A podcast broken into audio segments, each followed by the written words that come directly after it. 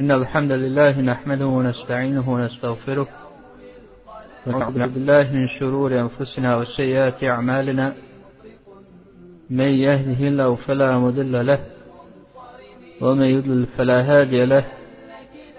وأشهد أن لا إله إلا الله وحده لا شريك له وأشهد أن محمدا عبده ورسوله. يا أيها الذين آمنوا اتقوا الله حق تقاته ولا تموتن إلا وأنتم مسلمون. يا أيها الناس اتقوا ربكم الذي خلقكم من نفس واحدة وخلق منها زوجها وبث منهما رجالا كثيرا ونساء واتقوا الله الذي تساءلون به والأرحام. إن الله كان عليكم رقيبا. رب اشرح لي صدري ويسر لي أمري. واحلل عقدة من لساني يفقه قولي أما بعد poštovana braćo i cijene sestre Assalamu alaikum wa rahmatullahi wa ta'ala wa barakatuh Allah azza wa jal u svojoj plemenitoj knjizi Kur'ani Kerimu nije ništa ostavio da je ostalo nepojašnjeno tako između ostalog pojasnio nam je i propise koji su vezani kako za ogovaranje, kako za prenošenje tuđih riječi, kako za potvoru, sve ima u knjizi jasnoj i dobro čuvanoj.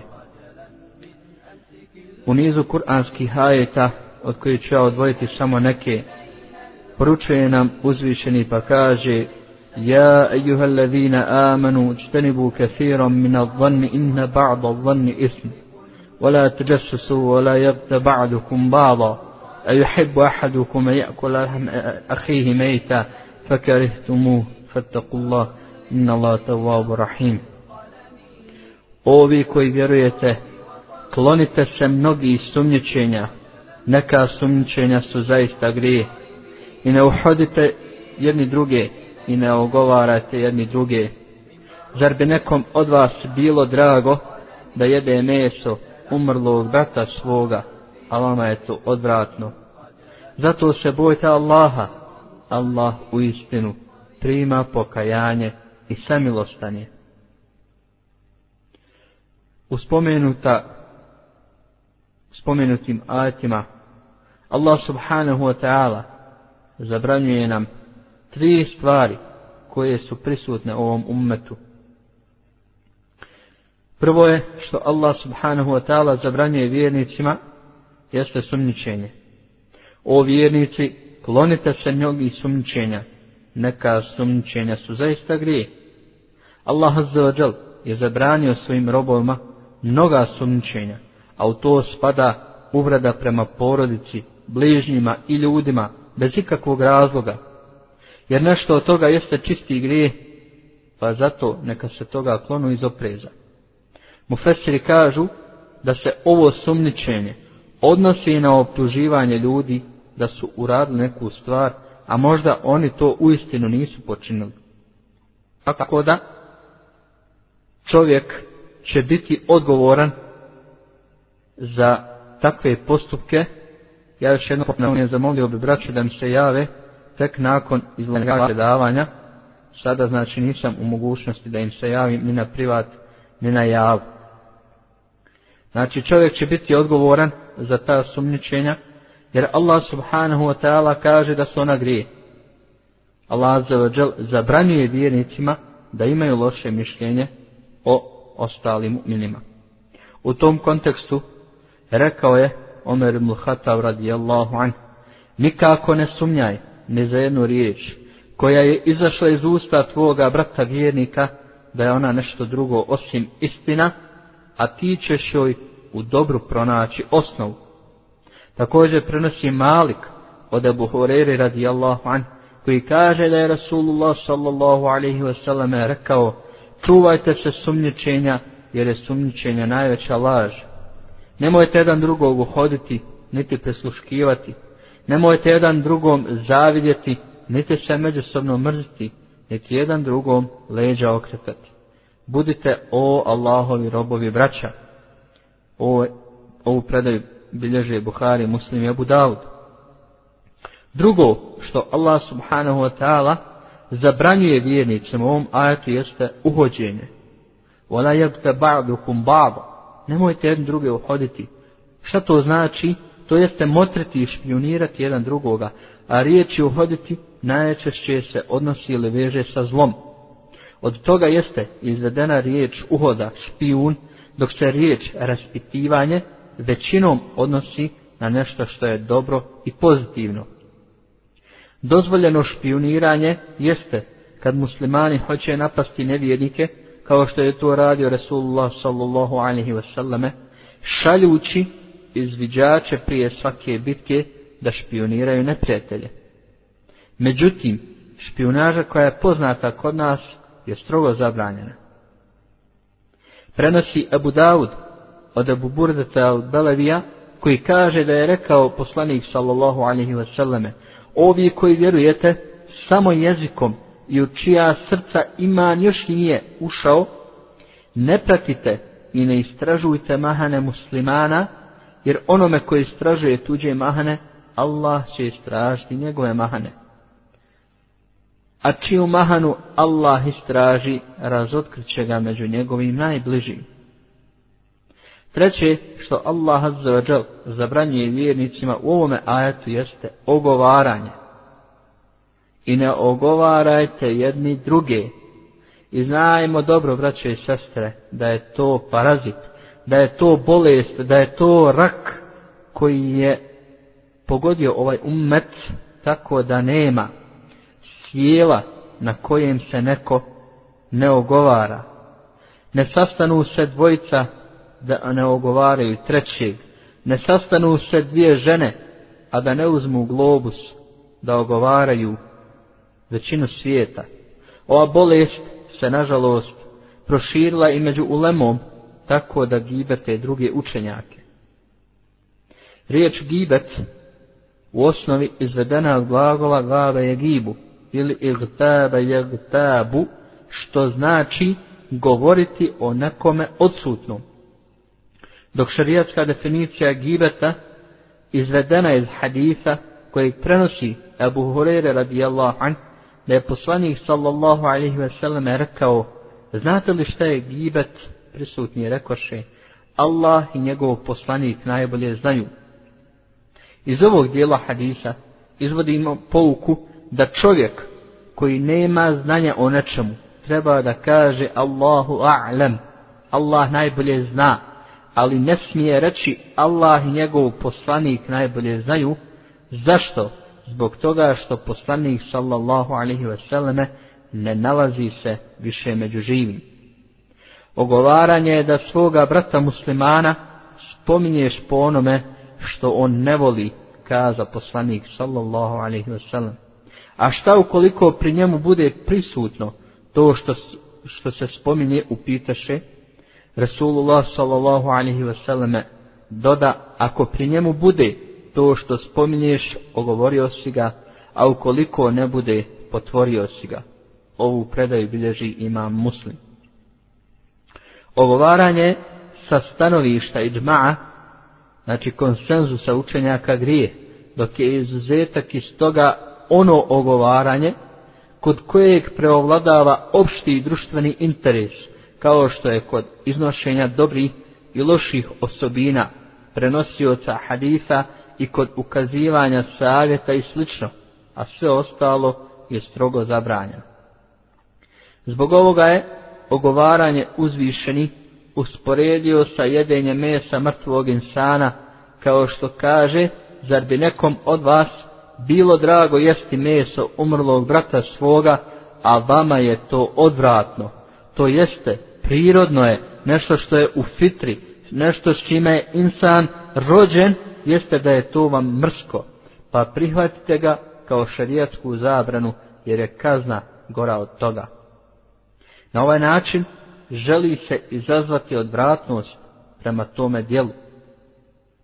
Prenosi je Budavud od Enesa ibn Malika radijallahu anhu koji kaže da je rekao Rasulullah sallallahu alaihi wasallame, kad sam bio na Mi'rađu, prošao sam pored skupine ljudi koji su imali bakrene nokte, kojima su trgali svoja lica i prca. Upitao sam ko su ovi o Džibrile, a on mi odgovori, to su oni što su klevetali ljude i kaljali njihovu čast. Također ovaj hadis prenosi, odnosno bilježi imam Ahmed. A navodi Ibn Abi Hatim od Ebu Sejda al-Hudrija radijallahu anhu koji kaže, rekli smo, o Allahov poslaniće, ispričaj nam šta si vidio u noći Lejletul mi'arađ, pa je odgovorio, zatim je odveo do jednog dijela Allahovi stvorenja, to je narod, i predstavnici prilaze sa strane jedne drugima i sjeku s njih komadiće tijela, poput obuće. Pa kad se nekom od njih stavi u usta, kaže mu se jebi, kao što si jeo, a on će u tom jelu nalaziti samo smrt. O Muhammede, i kad bi u tome našao smrt, ona mu je mrska. Pa sam pitao, o Džibrile, ko su ovi? On odgovori, to su klevetnici podrugljivci. Pa se kaže, zar bi nekom od vas se bilo drago, jesti meso umrlog brata svoga, a vama je to odvratno, i ta odvratnost odnosi se upravo na ovo jedenje mesa. Prenosi Hafiz Abu Ja'la u svome rivajatu o događaju vezanom za kamenovanje Majza radijallahu anh kad kaže čuo je Rasulullah sallallahu alaihi selleme dvojcu ljudi kako jedan drugome govore zar ne vidiš ovoga koga je Allah zaštitio a strast ga je dovela do toga da je kamenovan poput psa. Zatim je produžio poslanik sallallahu alaihi wasallam dok nije naišao do leša od magarca pa reče gdje su ona dvojica? Neka dođu i neka jedu ovog magarca. Ni dvojica povikaše, Allah ti oprostio, o Allahov poslaniće, pa zar se ovo jede? Ono što ste govorili o svome bratu malo prije, gore je od jedenja mrtvog magarca, odgovori poslanik sallallahu alaihi wasallam. Tako mi onoga u čim je rukama moja duša, on, to jeste majz, sada uživa u ljepotama džanetskih rijeka. Prenosioci ovog hadisa su pouzdani. Navodi Imam Ahmed od Džabira ibn Abdullaha radijallahu anhuma koji kaže Bili smo sa poslanikom sallallahu alaihi wasallam kad se začuo smrad lešine pa reče poslanik sallallahu alaihi ve sellem, Znate li vi kakav je ovo smrad? To je smrad oni koji ogovaraju ljude. A što se tiče riječi uzvišenog fattakullah i bojte se Allaha, to jeste onome što vam je naredio i onome što vam je zabranio. Da se pazite toga i čuvajte ga se. Allah subhanahu wa ta'ala na kraju poručuje i kaže bojte se Allaha kako bi poslije spominjanja zabrana naredba bogobojaznosti imala veći efekat jer kad bi to bilo spomenuto na početku manje bi uticalo na naša srca. Dalje nastavlja kuranski ajet pa kaže Allah zaista prima pokajanje i milostiv je. Znači prima pokajanje onoga komu se pokaje, a milostiv je prema onome komu se povrati i oslani na njega. Veći dio uleme kaže put oni koji ogovaraju ljude kako bi se pokajali i iščupali iz toga, jeste da čvrsto odluče da se tome više ne vraćaju, da se pokaju za ono što je prošlo i da traže halala od onoga koga su ogovorili. To je tumačenje jednog dijela u Leme, dok drugi smatraju pa kažu nije potrebno traženje halala zbog toga što postoji mogućnost da bi nakon javne izjave moglo doći do još većeg ezijeta od onoga koji se već dogodio. Ima još i način da oštećenog pohvali pred skupinom ljudi pred kojom ga je i ponizio, te da ga pohvali u onolikoj mjeri ukoliko je ga je ranije i ponizio, pa da tako bude jedno za drugo. Tako navodi ima Ahmed od Moaz ibn Anasa al-Ruhanija, radijallahu anhu da je poslanik sallallahu alaihi wasallam rekao, ko uzme u zaštitu vjernika od munafika koji ga ogovara, Allah subhanahu wa ta'ala će mu na sudnjem danu poslati meleka koji će štititi njegovo tijelo od džehennemske vatre. Ako napadne muslimana, želeći ga tako sramotiti, Allah će ga zadržati na džehennemskoj čupri sve dok ne iskusi zasluženu kaznu zbog onoga koga je oklevetao. Ovo isto navodi i Ebu Ja molim Allah subhanahu wa ta'ala da ove riječi budu pouka za razumne i da budu dokaz za nas, a ne protiv nas.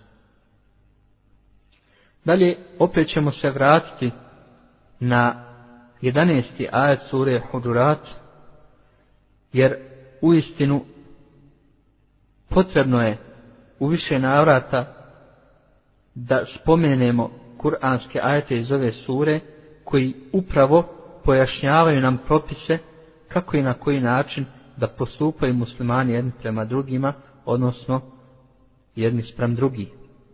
U 11. ajetu stoji o vjernici, neka se muškarci jedni drugima ne rugaju, možda su oni bolji od njih, a ni žene drugim ženama, možda su one bolje od ovih prvih, i ne kudite jedne druge i ne zovite jedne druge ružnim nadimcima. O kako je ružno da se vjernici spominju podrugljivim nadimcima, a oni koji se ne pokaju sami sebi čine nepravdu. Allah subhanahu wa ta'ala nam zabranjuje da se jednim drugima rugamo ili da jednim druge ni podištavamo, jer su možda oni sa kojima se mi smijavamo bolji od nas. I ova zabrana odnosi se ekvivalentno kako na muškarce, tako i na žene.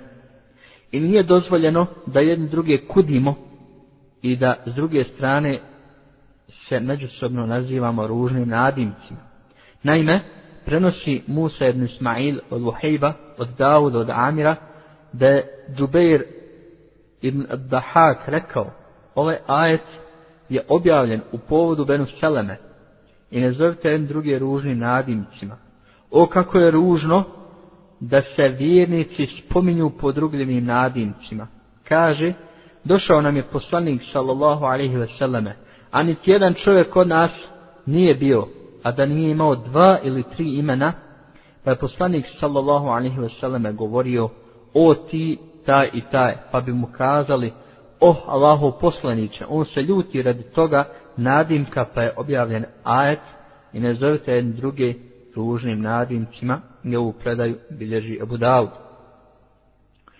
Također, zanimljiv je slučaj koji se veže za Zejda ibn Thabita radijallahu anhu koji je jednog dana govorio ashabima sahabima Ahlu Sofe, šta je čuo od poslanika sallallahu alaihi wasallame, pa mu predložiše da ode kod Muhammeda sallallahu alaihi wasallame i zatraži od njega malo mesa. Kad je Zaid otišao, oni su jednim drugima kazali, šta on nama priča, kad smo i mi u prilici da slušamo poslanika sallallahu alaihi wasallame, u istinu on pretjeruje. Pogledajte samo, neki od nas rekli bi, pa nema ništa u ovim riječima. Međutim, kad je Zaid zatražio od poslanika sallallahu alaihi wasallam da toj grupi ashaba pošalje malo mesa, on je dodao šta će im meso kad su ga sada već jeli. Zaid dolazi kod njih i prenosi im poslanikove sallallahu alaihi wasallam riječ. A oni začuđeni kažu da već danima meso nisu vidjeli, a kamoli okusili. Potom oni odlaze kod poslanika sallallahu alaihi wasallam pa im on pojašnjava i kaže u istinu ste vi malo prije jeli meso vašeg brata Zejda i na vašim zubima se vide tragovi toga. Zatim su iz svojih utroba povratili krv. Muslimani jedni drugima ne smiju nanositi nepravdu, kao što stoji u narodnom hadisu. Prenosi Ebu Horeire radijallahu anhu, da je poslanik sallallahu alaihi wa sallam kazao, nemojte jedni drugima zaviditi, nemojte, jedni, nemojte se međusobno nadmetati, nemojte se međusobno mrziti, Nemojte jedni drugima okretati leđa. Nemojte kupovati prodatu robu. Budite Allahovi robovi braća. Musliman je muslimanu brat. Ne čini mu nepravdu. Ne ostavlja ga, niti ga ponižava. Takvaluk je ovde, pokazujući na svoja prsa, i to tri puta. Dovoljno je čovjeku muslimanu grijeha da mrzi svoga brata muslimana. Svaki musliman je drugom muslimanu svet, njegova krv i metak i čas. Ovu predaju bilježi imam muslim. Abdullah ibn Omer, radijallahu anhuma, prenosi da je poslanik sallallahu alaihi wasallam kazao musliman je muslimanu brat, neće mu učiniti nasilje, niti će ga izdati. Ko bude na pomoći svome bratu, Allah će biti njemu na pomoći. Ko od muslimana otkloni neku nevolju, Allah će od njega otkloniti nevolju od nevolja na sudnjem danu. I ko zaštiti muslimana, to jeste sakrije njegovu sramotu, Allah će pokriti njegovu sramotu na sudnjem danu. Predaj bilježi imam Buhari. Ukoliko među vjernicima postoje određene nesuglasice, one se u ime Allaha za moraju prevazići, pogotovo u vremenu kad su otrovne strijele neprijatelja i dvoličnjaka upravo uperene protiv njih. Neminovno, kada se spomene tema ogovaranje, prenošenje tuđih riječi, treba spomenuti i organ kojim se to čini, a to je jezik, pa ćemo vidjeti koji su to i poroci jezika. Naime, nekontrolisana upotreba jezika stvara brojne i velike poroke koji sprečavaju nečije napredovanje prema cilju. Ti poroci ne pripadaju drugim tjelesnim organima, kao na primjer stomaku, uhu ili oku. Pokretanje jezika uključuje sve što postoji, stvarno ili kao mogućnost. Jezik pretače unutrašnje misli, maštanja i osjećanja u riječi.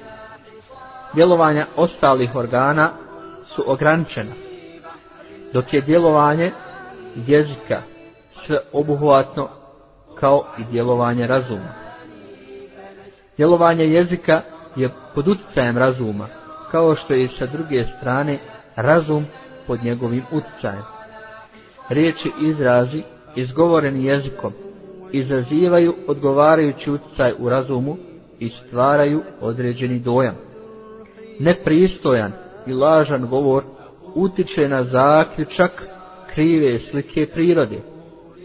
Poroci govora su mnogobrojni i to je jedan naporan zadatak čovjeka da se zaštiti. Zbog toga je šutnja ili svođenje govora na, na najnužniju mjeru zlatno pravilo. Neki od poroka koji pripadaju govoru su sljedeći. Čovjek ne bi trebao trošiti vrijeme na bespotreban govor, jer svaki moment nečijeg života bi trebao biti posvećen ili razmišljanju ili ibadetu. Fizičko liječenje govorljivosti sastoji se od njegovog kontrolisanja sa povlačenjem u osamljenost ili stavljanjem malog kamenčića u usta. Izgovaranje nemoralnih riječi, krajnje nepristojnih riječi izraza i smijavajuće šale, ne da je Bože psovanje, proklinjanje i slične poroke treba izbjegavati. Ne treba se služiti protiv riječjem osporavanjem ili na kraju krajeva svađom. Niko ne treba da radoznalo zaviruje u tajne drugi. Ne treba davati lažna obećanja, jer ona izobličavaju i pomračuju dušu. Laž u govoru je težak grijeh ali ipak dozvoljen u izvanrednim slučajima kad je krajnji cilj dobar, kao što je uspostavljanje sretnih odnosa između muža i žene ili izmirivanje dva muslimana. U drugim slučajima laž je strogo zabranjena. U slučajima kad se istina i laž pojave sa istim pravima, prethodno navedeni principi mora znači biti usvojena istinoljubivost ogovaranje se sastoji od govora o drugoj osobi na takav način da ako bi on to čuo njegova osjećanja bila bi povrijeđena i to je gore od luda jer onaj koji to čini hrani se tijelom svoga mrtvog brata. Tvrdnja može biti istinita, ali i pored toga to je ogovaranje. Različiti oblici ogovaranja su govorenje o fizičkim mahanama drugog, niskom porijeklu, lošim osobinama, lošim navikama i sl. Ogovaranje se ne čini samo jezikom, već isto tako manirima, kretnjama ili čak pisanjem. Sumnja je isto tako od ogovaranja, jer loše misliti o nekome nije dozvoljeno. Bilo koja misao osobi koja teži da je ponizi i koja nije stvarno zasnovana na sigurnim dokazima, mora da se uzme kao šetanska. Što se tiče uzroka ogovaranja, njih ima mnogo, a mi ćemo samo navesti najbitnije. Na prvom mjestu jeste ljutnja. Tu je također traženje zadovoljstva drugih ljudi. Samo odbrana ili samo opravdanje, to jeste kad se osoba optužena za zločin pokušava osloboditi krivice prebacujući je nekom drugom. Samo slavljenje, to jeste pripisivanje slave samome sebi. Ponekad neko pronalazi grešku kod druge osobe sa ciljem da prešutno pohvali sam sebe ili neko može da optuži neku osobu za neznanje sa ciljem da oglasi svoje lično znanje. Tu su neizbježni zavis, osjećanje zadovoljstva nečijom nesrećom, nehajno iznošenje imena osobe koja je počinila grešku, ljutnja radi Božijeg zadovoljstva, kad neko izrazi svoju ljutnju prema nečijem grehu i spomene njegovo ime dok izražava upravo tu svoju ljutnju. I ova vrsta srditosti treba da bude izražena bez spominjanja imena osobe, jer će se u protivnom izjednačiti s ogovaranjem.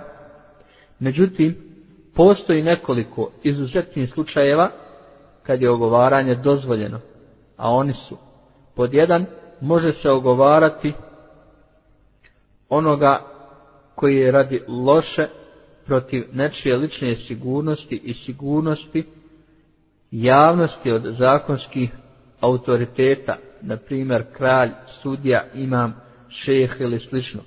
Pod dva, neko može iznijeti nečiju grešku u cilju da ga spriječi od slijeđenja lošeg puta.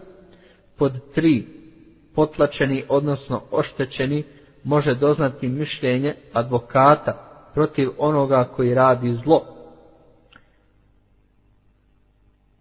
Što se tiče nemimeta, on je također vrsta ogovaranja, a to je u stvari širenje pogrešnih glasina, prenošenje riječi i nekih osoba drugima kroz riječi, kretnje, pisanje i djelovanje na način koji je štetan po ljude.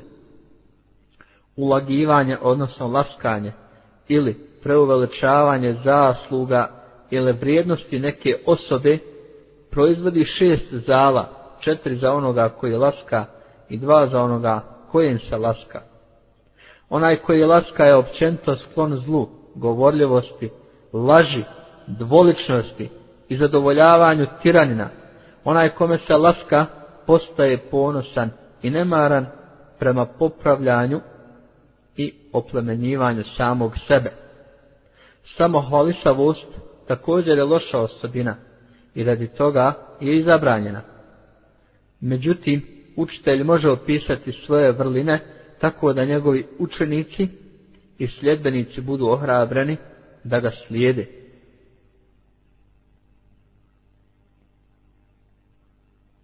Allah Azza wa Jal je obdario čovjeka instiktom, odnosno nagonom, za samozalaganje da bi se zaštitio od spoljnih i unutrašnjih uslova koji teže da ga unište. Ova obdarenost je suštinska za čovjeka, ali ona mora biti pod kontrolom vjere i vođena razumom u umjerenost, a sve u cilju kako bi postala vrlina. Nedostatak ili pretjeranost samozalaganja čini čovjeka neuravnoteženim. Osoba koja nema samo zalaganja, nema ni samo poštovanja. Podcijenjuje ga kako visoko, tako i nisko. Međutim, jedan čovjek koji pretjeruje u samozalaganju, gubi samo kontrolu i zbog toga je nemoćan da razlikuje dobro od zla. Pretjerano samozalaganje može se izroditi u ljutnju, zlobu, zavist, imitiranje, ponos ili taštinu. Takav čovjek je izazvan na ljutnju prema osobi koja mu prijeti da ga liši predmeta njegovih želja. Ljut čovjek želi da uništi onoga što mu se protivi i teži da mu se osveti. Predmeti čije lišavanje izazivaju ljutnju jesu sljedeći. Pod A potrebe kao što su hrana, prebivalište i slično. Pod B luksuz, to jeste stvari koje se žele zbog običaja ili navika kao blagostanje, bogatstvo i slično. Pod C posebni zahtjevi koji su potrebni nekim osobama, ali nisu drugima. Ljutnju koja je vezana za ugodnosti i za posebne zahtjeve treba iskorijeniti. U odnosu na potrebe ona može i mora biti iskazana samo do umjerenosti. Uzvraćanje na zlo, zlom nije dozvoljeno ni u kakvim okolnostima. Potlačenom je naravno dozvoljena odmazda da bi nadoknadio nanesenu mu štetu, ali ne i prekoračivanja nanesene štete. Međutim, oprost je ipak bolje od odmazde, jer za čovjeka nije moguće da procijeni potpunosti tačno štetu koja mu je nanesena i štetu koju namiruje. Kad neko nije u stanju da da oduška svojoj ljutnji, ona se pretvara u zlobu prema drugoj osobi.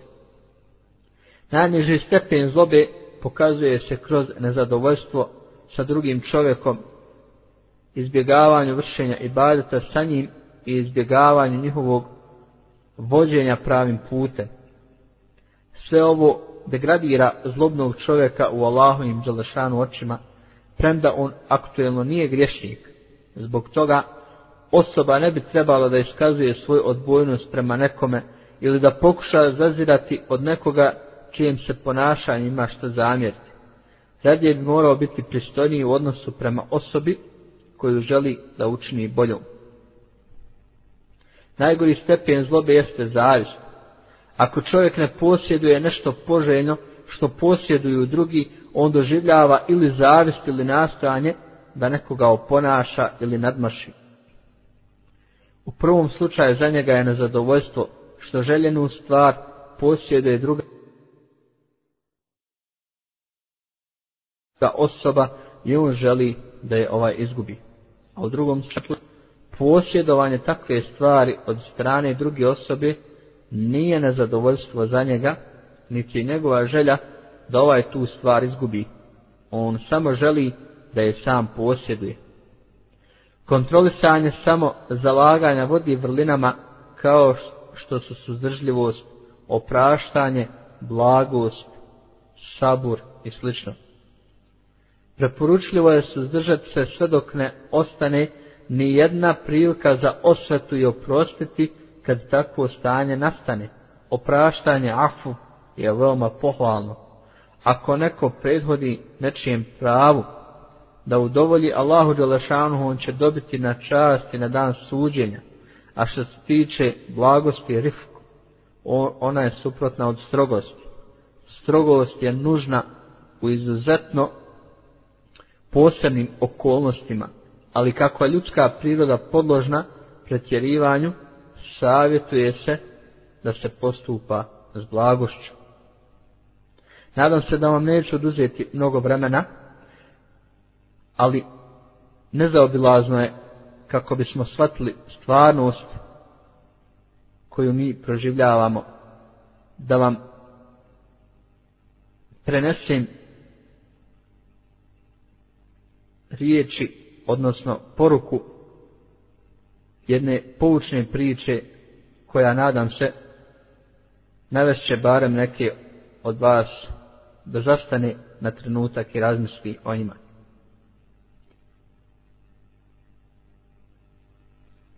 Prolazim pokraj punog kafića u kojem se ne čuje ništa drugo sem teški udari instrumenta koji razaraju bubnjiće normalnog uha. Pogleda kad ono krcato puno, nema razlike između ženska i muška, velikog i malog. Dok moj žalostni pogled gleda u stvarnu sliku islamskog ummeta, susrete me pogled jednog mladića